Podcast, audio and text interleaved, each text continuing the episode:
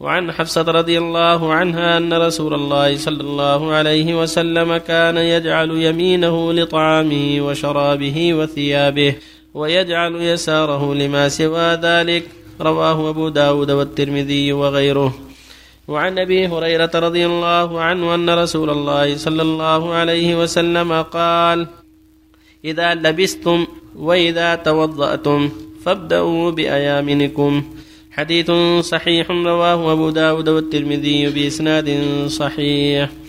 وعن أنس رضي الله عنه أن رسول الله صلى الله عليه وسلم أتى منا فأتى الجمرة فرماها ثم أتى منزله بمنى ونحر ثم قال للحلاق خذ وأشار إلى جانبه الأيمن ثم الأيسر ثم جعل يعطيه الناس متفق عليه.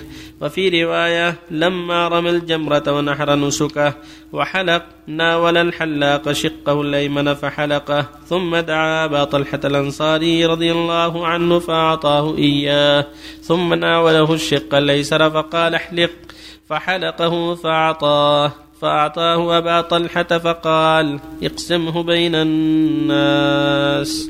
بسم الله الرحمن الرحيم. اللهم صل وسلم على رسول الله. وعلى اله وأصحابه من اهتدى بهداه. أما بعد فقد تقدم بعض الأحاديث في هذا الباب وهكذا الأحاديث المذكورة حديث حفصه حديث أبي هريرة وغيرهما كلها دالة على شرعية تقديم اليمين في الأشياء المطلوبة والأشياء المشروعة يقدم فيها اليمين كدخول المسجد والوضوء الشرعي والغسل الشرعي كله يقدم فيه اليمين.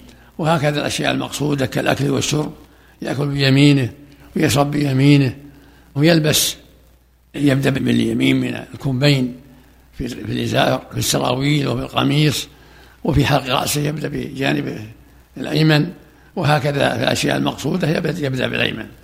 أما الأشياء غير المقصودة أو المستقدرة فيبدأ باليسار كالخروج من المسجد ودخول خلاء وخلع القميص وخلع السراويل كلها يبدأ فيها باليسار. وكذلك الاستنجاء باليسار.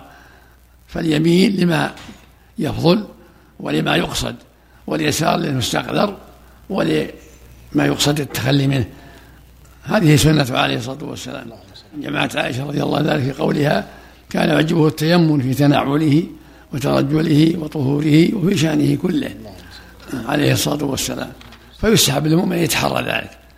يسحب للمؤمن أن يتحرى الذي كان يتحراه النبي عليه الصلاة والسلام في اليمين واليسار. وفق الله الجميع. الله إليكم يا شيخ. من استنجى بيمينه وقد يمس ذكره بيده اليمين. حكم ذلك. لا لا ما يجوز هذا. الرسول الرسول نهى. قال لا يمسكن ذكره بيمينه وهو يبول ولا يتمسح من الخلاء بيمينه. نهي صريح. هذا في البول فقط يا شيخ. الغائط أشد أقبح.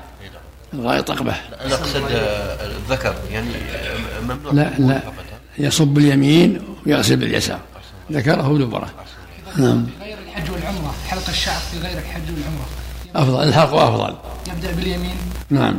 في الحج والعمرة وفي غيرهما نعم. من قدم يده اليسرى أو رجله اليسرى عند الوضوء يبطل الوضوء يا شيخ؟ لا يصح الوضوء لكن خالف الشرع. سنة التيامن. هذا واحد يسأل الشيخ يقول في بلادنا يقول بدأوا بعد المسلمين يشتغلون على حسابهم. ولكن لا يعني لا شك أن الضرائب والاشياء كذلك يعني صعب عليهم. يسألون عن هل يجوز أن يخفون بعض الأشياء؟ يعني طبعا يدخل في الغش يعني مع الدولة يعني الدولة كافرة. مش فيه؟ الضرائب. ضرائب؟ إيه, إيه نعم. الضرائب يقول كثيرة علينا. فهل يجوز يعني هذا سؤال للمسلمين يعني يسألون. التهرب من دفع الضرائب إيه نعم. لدولة كافرة. نعم.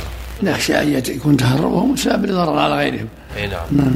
نخشى يصبرون ولا يخرجون لا يجلسون في بلاد المشركين يخرجون يهاجرون. إذا لم تيسر يا شيخ. نعم. إذا لم تيسر. الله أعلم. نعم نعم. نعم. كتاب اليسار. نعم. كتاب اليسار. ما ينبغي كتاب اليسار. كتابة باليمين السنة الكتابة باليمين. لأنها مقصودة الكتابة مقصودة. إذا كان أعسم يكون مكروه. نعم. تسمية شيخ الله عليك نعم. تسمية في في الخلاء بالنية بالقلب الوضوء إيه. تسمية بنية القلب. لا يسمي في الوضوء يتوضأ يبدأ بالوضوء في تمضمض واستنشاق يقول بسم الله. مستحب.